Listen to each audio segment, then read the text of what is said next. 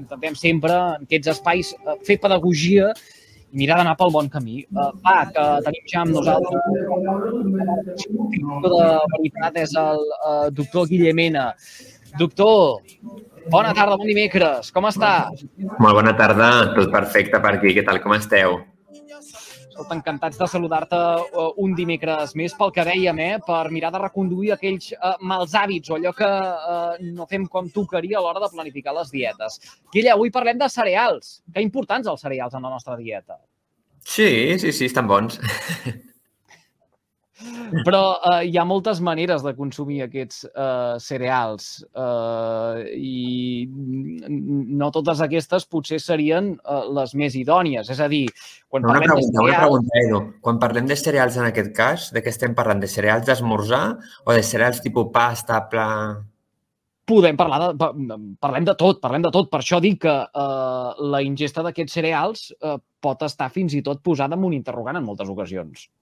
Sí, bueno, a veure, tots els grups alimentaris poden estar posats en, el, en interrogant, eh, si ens posem així. Eh, bueno, menys la fruita i la verdura, que és molt difícil fugir d'elles, d'acord? La resta sempre eh, hi ha matisos. Doncs sí, no sé com m'ho vols enfocar, perquè hi ha molt a dir amb el tema dels cereals.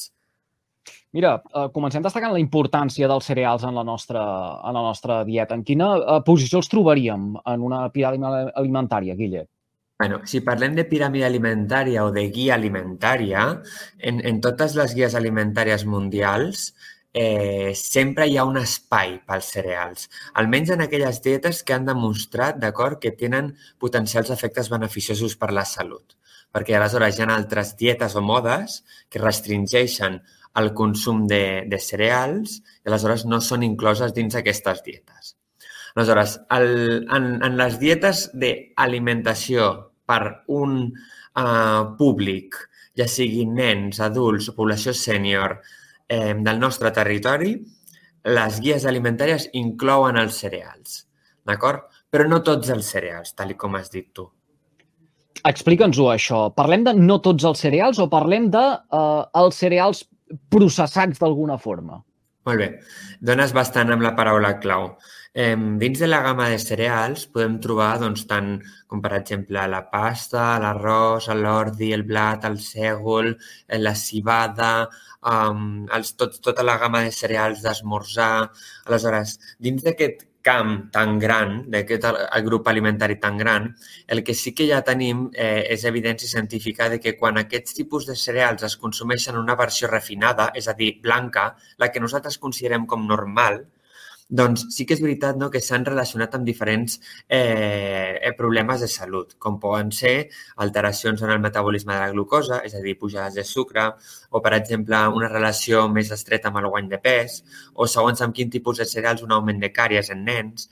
Per tant, em, quan parlem de cereals a recomanar en totes les guies alimentàries, sempre s'ha de promoure el que és el cereal integral, és a dir, aquell cereal que no ha passat aquest grau de refinament i aleshores manté totes aquelles propietats nutricionals que el fa òptim pel consum. Hm. Què passa, però, uh, Guille, que a nivell ciutadà la paraula integral ens fa com una mica de por o ens estableix com una barrera? Sí. No anem, no anem al, al supermercat, per exemple, o sí, està brutal. Mamo, sí, sí. A, a, a, a buscar aquella pasta integral, o no anem al forn i uh, uh, demanem una barra de quart integral. Sí, és que eh, aquí ens hem de remuntar a que la indústria alimentària eh, ja des de fa anys i anys, per molts anys, eh, ha, ha inculcat d'acord que el, el producte normal és aquell que, que, que se li treu la fibra. Per què? Perquè tu qualsevol producte que li treus la fibra o d'alguna manera, d'alguna manera el converteixes en un producte més blanc, més net, és més atractiu. És més atractiu a la vista, és més atractiu a l'hora de ser cuinat, és més atractiu a l'hora de, de tindre el nostre paladar. Aleshores, té una major acceptació. Aquesta acceptació s'ha instaurat en el nostre territori i ha fet que dificulti l'entrada del producte íntegre, d'acord? que és el que hauríem de a poc a poc anar influint amb les noves generacions. A més a més, la paraula aquesta s'ha atacat no, per un simple fet de que la paraula integral es relaciona amb dieta, amb dieta, amb pèrdua de pes, és en, en, en, aquest, en, aquesta, en aquest núvol no? de, de comer saludable que te provoca una restricció uh, de que no puedes comer lo que realmente quieres. Aleshores, què passa? Que quan sentim la paraula integral, doncs fugim. De fet, no us mentiré, jo, per exemple, amb l'arròs integral em costa. A mi em costa. Ja li tinc el truquillo amb segons quines receptes, no? amb verdures saltejades amb soja, però a mi em fas, per exemple, una paella amb arròs integral o un arròs a la cubana i no, o sigui, no, no. Hi ha receptes tradicionals que no. Però sí que és cert que, per exemple, la pasta sempre la consumeixo integral, el pa sempre intento buscar-la integral, quan no hi ha, doncs no n'hi ha, d'acord? I els cereals d'esmorzar també. Ostres, eh, jo t'he de confessar que a, a mi mm, és més, em sembla més atractiu encara aquest producte uh, integral. No vol dir que uh, consumeixi uh, sempre eh, cereals integrals, uh, però, uh, no sé, l'arròs que dèiem, uh, el pa o la, mi... o la pasta, li, li trobo un altre què que m'atrau. Uh... De, de fet, no, um, a mi quan vaig a una casa i veig ja que hi ha producte integral ja m'està donant molts missatges això, d'acord? Que estan eh, mentalment evolucionats, de que pensen ja més enllà, d'acord? De que tenen un coneixement, d'acord? I l'estan aplicant. És que és important, no, aquestes coses. I també hi ha molta gent que diu, que a mi la pasta me sienta mal. Doncs vinga, pasta sin gluten. Però és que potser t'està sentant malament el que és la pasta refinada. I si el teu cos s'anés acostumant a la pasta eh, integral i les teves bactèries intestinals mengessin la fibra d'aquesta pasta, potser tot rotllaria millor és un camp, no? El que de les intoleràncies va molt relacionat amb els cereals. Mira, de tot això en parlarem, no, vull dir, no entrarem ara en aquest camp perquè de tot això en parlarem ara d'aquí un uh, momentet, eh? Uh, gluten o, o sense gluten, intoleràncies, uh, al·lèrgies, etc etc etc. Escolta, la pasta, uh, el, el, el, els cereals, uh, el, el pa, hidrats. Uh, ja sabem que uh, la, la gent uh, pot ser uh, activa uh, o pot ser molt activa. Després hi ha els que no fan res i els tenim sempre allò escarxofats al, al, al sofà. Uh, això la cuba gosa, que jo li dic. Uh, això es relaciona molt també en la... En, no sé què anava a dir en la pràctica, en la pràctica esportiva, en la pràctica d'activitat física. Uh, com més actius, més hidrats també? Pues mira, és un bon resum. Jo sempre ho explico com un conte, d'acord? Dins de la complexitat del metabolisme dels hidrats de carboni no? i aquest pànic que hi ha al guany de pes, no s'ha de veure així. Els hidrats de carboni són una font energètica que ens mantenen, d'acord, actius, atents, amb una major capacitat productiva, tant laboral com del nostre dia a dia. I a més a més també faciliten el descans, no? que hi ha moltes persones no? que inclús eh, restringeixen molt la, la ingesta d'hidrats de carboni i després se'n van a una mala qualitat de la son i és el peix que es mossega la cua. El que treus per un lloc ho estàs fent malament per l'altre. Aleshores, el que és molt intel·ligent és el que tu has comentat. És a dir, si estem considerant aquí que els hidrats de carboni són una font energètica, d'acord?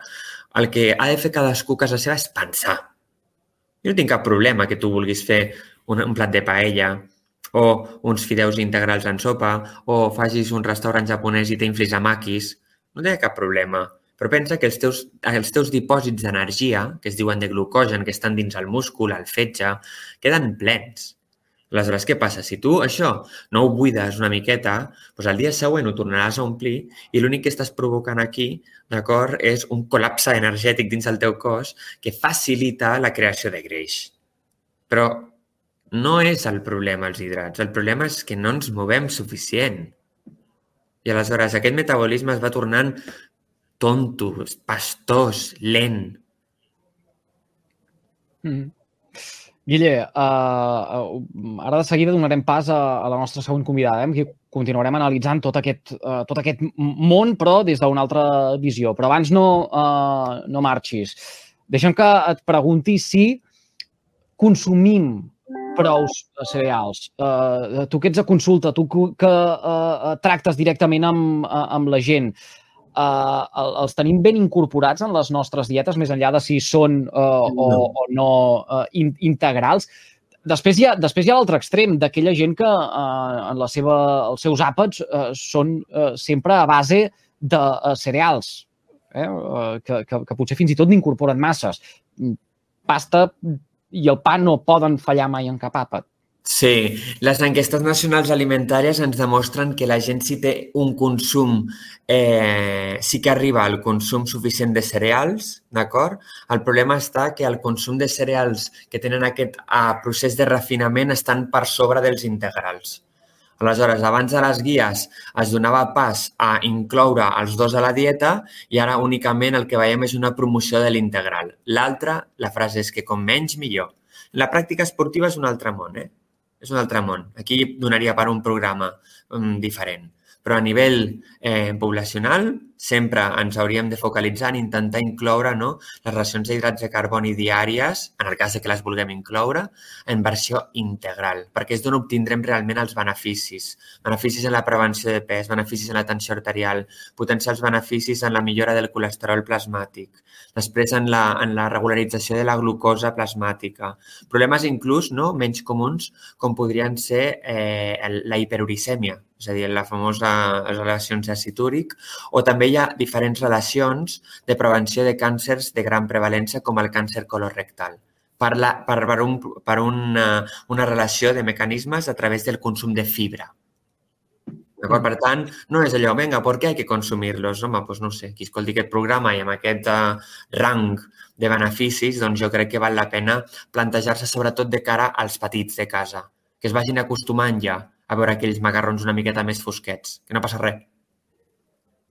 Va, que passen 3 minuts del punt d'un quart de 6 de la tarda. Uh, parin atenció ara mateix uh, totes aquelles persones que uh, tenen intolerància o són al·lèrgics a alguns uh, cereals perquè serà molt interessant tot el que de ben segur ens explicarà la nostra següent convidada. Mena, gràcies com sempre per fer-nos confiança. Un plaer, una abraçada ben forta. Fantàstic, moltes gràcies. Que vagi molt bé la tarda a tots.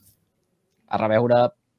El meu país la pluja no sap ploure.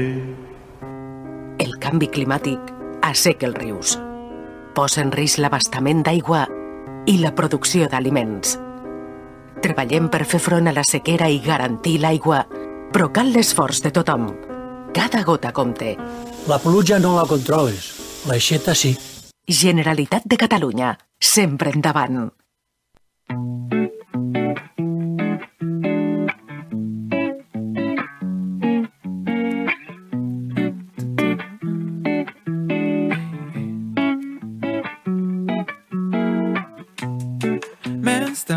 Vinga, va, que després d'haver uh, conversat amb el uh, nostre uh, expert particular, amb el nostre doctor de capçalera, en Guillemena, el que fem ara és incorporar una nova veu en aquest espai entorn de la nutrició i la salut que els oferim al carrer Major de les emissores de la xarxa al Camp de Tarragona. Comptem ara amb la Mar Sorlí, que és nutricionista especialitzada en el tractament d'alteracions digestives i problemes intestinals, intoleràncies alimentàries i problemes metabòlics a l'EUS Clínic i alhora professora associada a la Universitat Rovira i Virgili. Mar, bon, bona tarda i benvingut al programa. Hola, bona tarda.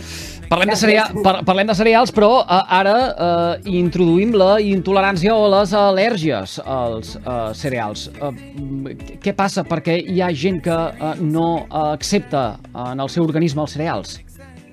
Mira, aquí, um, abans de continuar, sí que m'agradaria diferenciar entre intolerància i al·lèrgia, mm -hmm. perquè no és exactament el mateix. ¿vale? Um, parlant així en termes més divulgatius, potser, um, una al·lèrgia és més perillosa en el sentit de que està involucrat el sistema immunològic i, com a conseqüència, pot hi haure un xoc anafilàctic, inclús una mort. ¿vale? Llavors, um, la diferència amb la intolerància, no hi ha tot aquest mecanisme eh, pel mig i és, eh, la intolerància, diguéssim, que és una mala absorció d'un d'aquests sucres, mm. vale? que a nivell de la mucosa intestinal està danyada i llavors no s'absorbeix bé.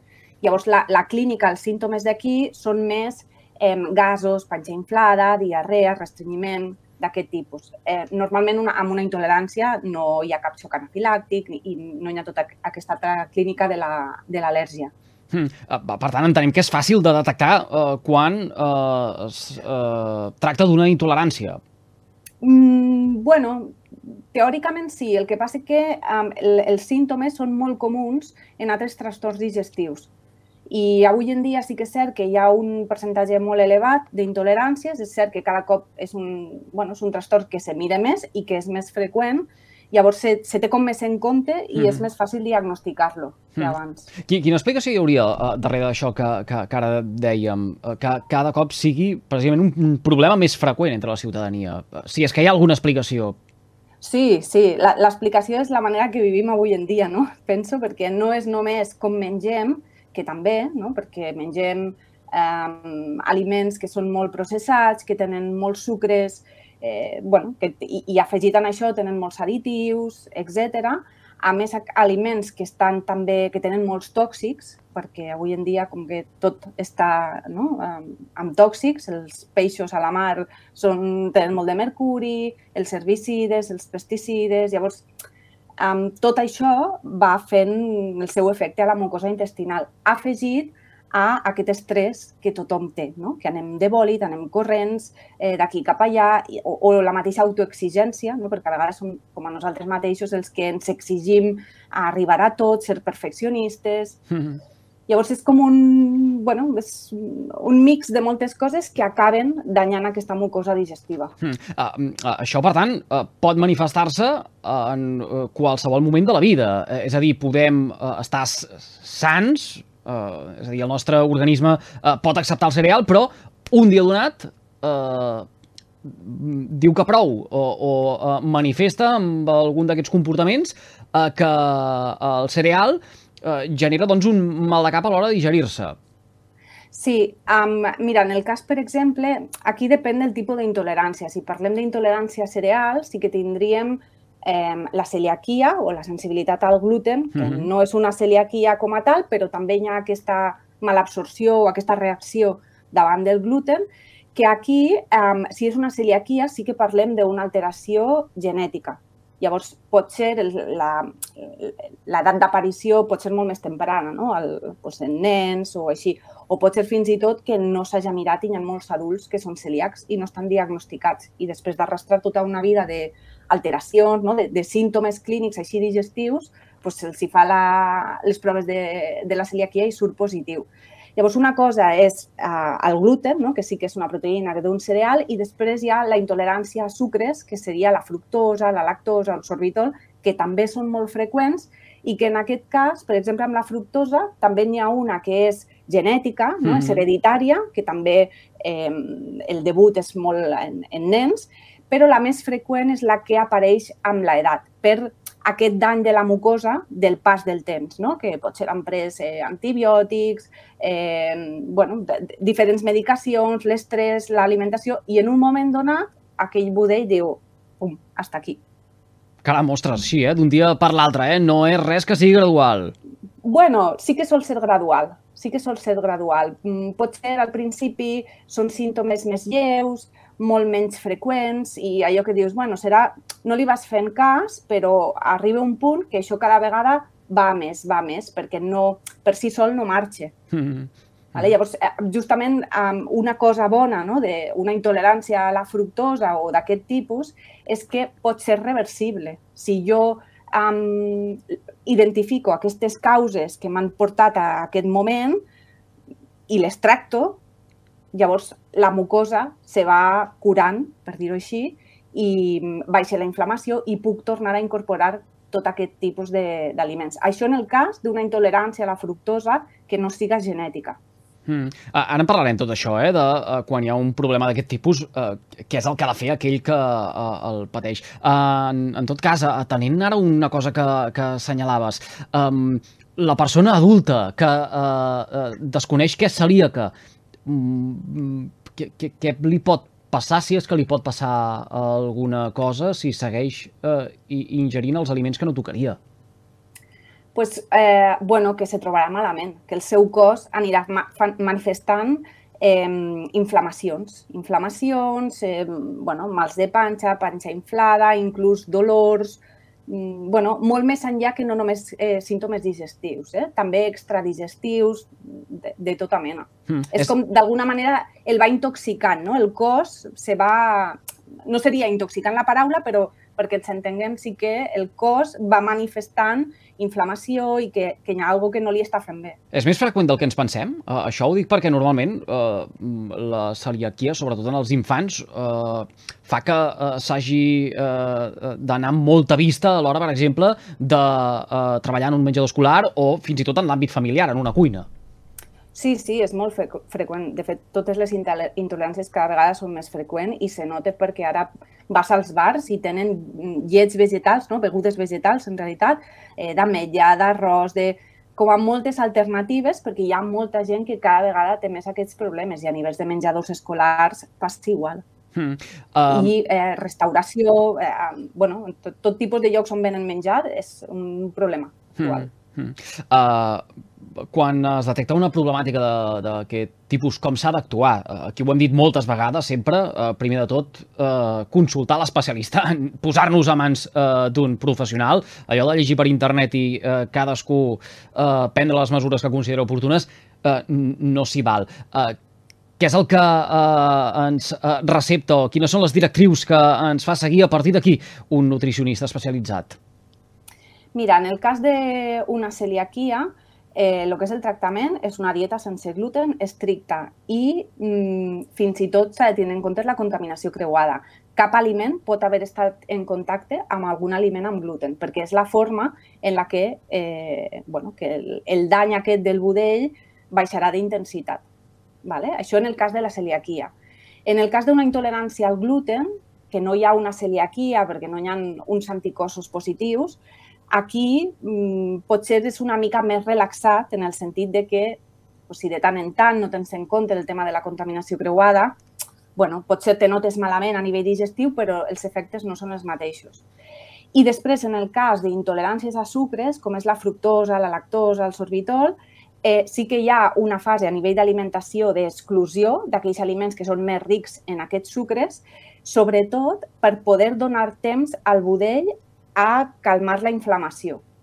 Mm -hmm. Llavors, a banda de fer servir l'alimentació com una eina per baixar la inflamació i per poder absorbir millor, jo, per exemple, en consulta sí que faig servir eh, diferents tipus de suplements per accelerar una miqueta el procés. És a dir, els suplements els faríem servir com una medicació, tot i que són naturals i es donarà al cos nutrients que li falten per, regenerar, per a que aquella situació s'acceleri i vagi més ràpida. Mm. Ostres, Perquè si no, a vegades costa. Mm. Uh, complica, a partir d'alguna manera que tothom ens entengui, complica molt la vida de les uh, persones que realment pateixen uh, un problema d'aquest tipus. Ho dic perquè uh, quants productes uh, uh, duen, en el cas d'avui doncs, que parlem dels cereals, uh, duen uh, cereals o algun derivat d'aquests uh, cereals? Sí, és complicat a molts nivells, a nivell social, perquè estem molt acostumats a quedar mm, per sopar una pizza o que, no? per menjar, quedem per menjar, a nivell, ens socialitzem així. Llavors, en el moment que tu tens algun problema en no menjar de forma habitual, és un problema, no? És, és, bueno, sí, és un problema. I, a més, també a nivell econòmic és un altre problema, perquè els aliments que són sense gluten són molt més cars comparativament amb un cereal eh, amb gluten normal. Mm -hmm. I, I tot i que és cert que no hem de comprar unes galletes sense gluten o uns cereals d'esmorzar sense... No, no se tracta de comprar processats sense gluten, perquè aquests són molt més cars, però un cereal bàsic, eh, com pot ser el fajol, no? que és el trigo sarraceno, que de forma natural és un pseudo cereal que no té gluten, eh, bueno, són més cars. Mm. O el pa mateix, no? un pa sense gluten, si vas a qualsevol forn, val entre 5 i 6 euros avui en dia ja. Mm. Al final això és eh, quelcom que hem de eh, resoldre a nivell de consciència ciutadana. Eh? Uh, si tots no hi aboquem al màxim per ser conscients uh, d'aquesta situació, de ben segur que uh, aquestes persones que pateixen precisament aquestes intoleràncies o aquestes uh, uh, al·lèrgies continuaran uh, trobant-se amb aquesta barrera a l'hora d'accedir a uns productes que són a l'abast de, de tothom. Uh, per cert, um, com, com ho pateix la canalla? Perquè uh, precisament en aquestes edats primerenques eh, és uh, quan eh, hem explicat en moltes ocasions que els infants creixen, es fan forts, eh, eh, agafen doncs, també eh, aquestes eh, de defenses que els han de protegir no? a, a, a la llarga. Eh, és, és més complicat de gestionar això en, en nens i nenes? Eh, sí, jo crec que és més complicat de gestionar pels pares. Mm, jo no tinc nens directament perquè a la consulta només tracto adults. Llavors, tampoc tinc l'experiència per poder mm, saber com ho pateixen, no? Però sí que he tingut adults eh, que tenen fills amb intoleràncies i és complicat. És complicat de gestionar tant el menjar a casa, no? si, hi ha, eh, si són molts o no saben què comprar, mm, i un cop els nens comencen a fer-se més grans, doncs, clar, arriben a l'adolescència i és un moment que potser mengen de tot, no? i com que una intolerància és un problema que, bueno, amb una al·lèrgia sí que és eh, més complicat, no? Aquí la, el tractament d'una al·lèrgia és exclusió total de l'aliment al que ets al·lèrgic. No, no pots prendre ni res que, que ho pugui contindre. Llavors, és complicada la gestió. Uh, Mar, en aquest espai ens agrada molt també de fer uh, pedagogia. L'oient que ens estigui seguint uh, ara mateix uh, i que digui, uh, ostres, donada aquesta situació i allò que dèiem al principi, que uh, van en augment els casos que registren doncs, de uh, intolerància uh, uh, als cereals, què podem fer per uh, previndre aquests problemes? Mm, doncs mira, mm, jo penso que és molt important um, la forma en què vivim, la gestió de l'estrès, mm, perquè és un dels factors que normalment hi ha al darrere, com a detonant o com a factor que pot cronificar la situació. I, evidentment, ser molt conscient del que mengem, que no, el que mengem no només ens farà pujar o baixar de pes o menjar més o menys calories, no?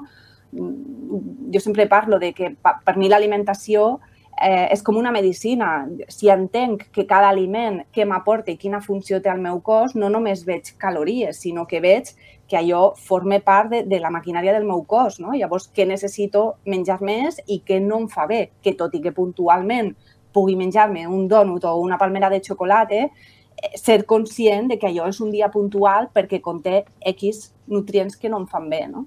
Mm i fa molta falta molta educació nutricional en aquest sentit, no? que a vegades contem molt calories o això engreixa o no engreixa i va més enllà de que això engreixa o no engreixa.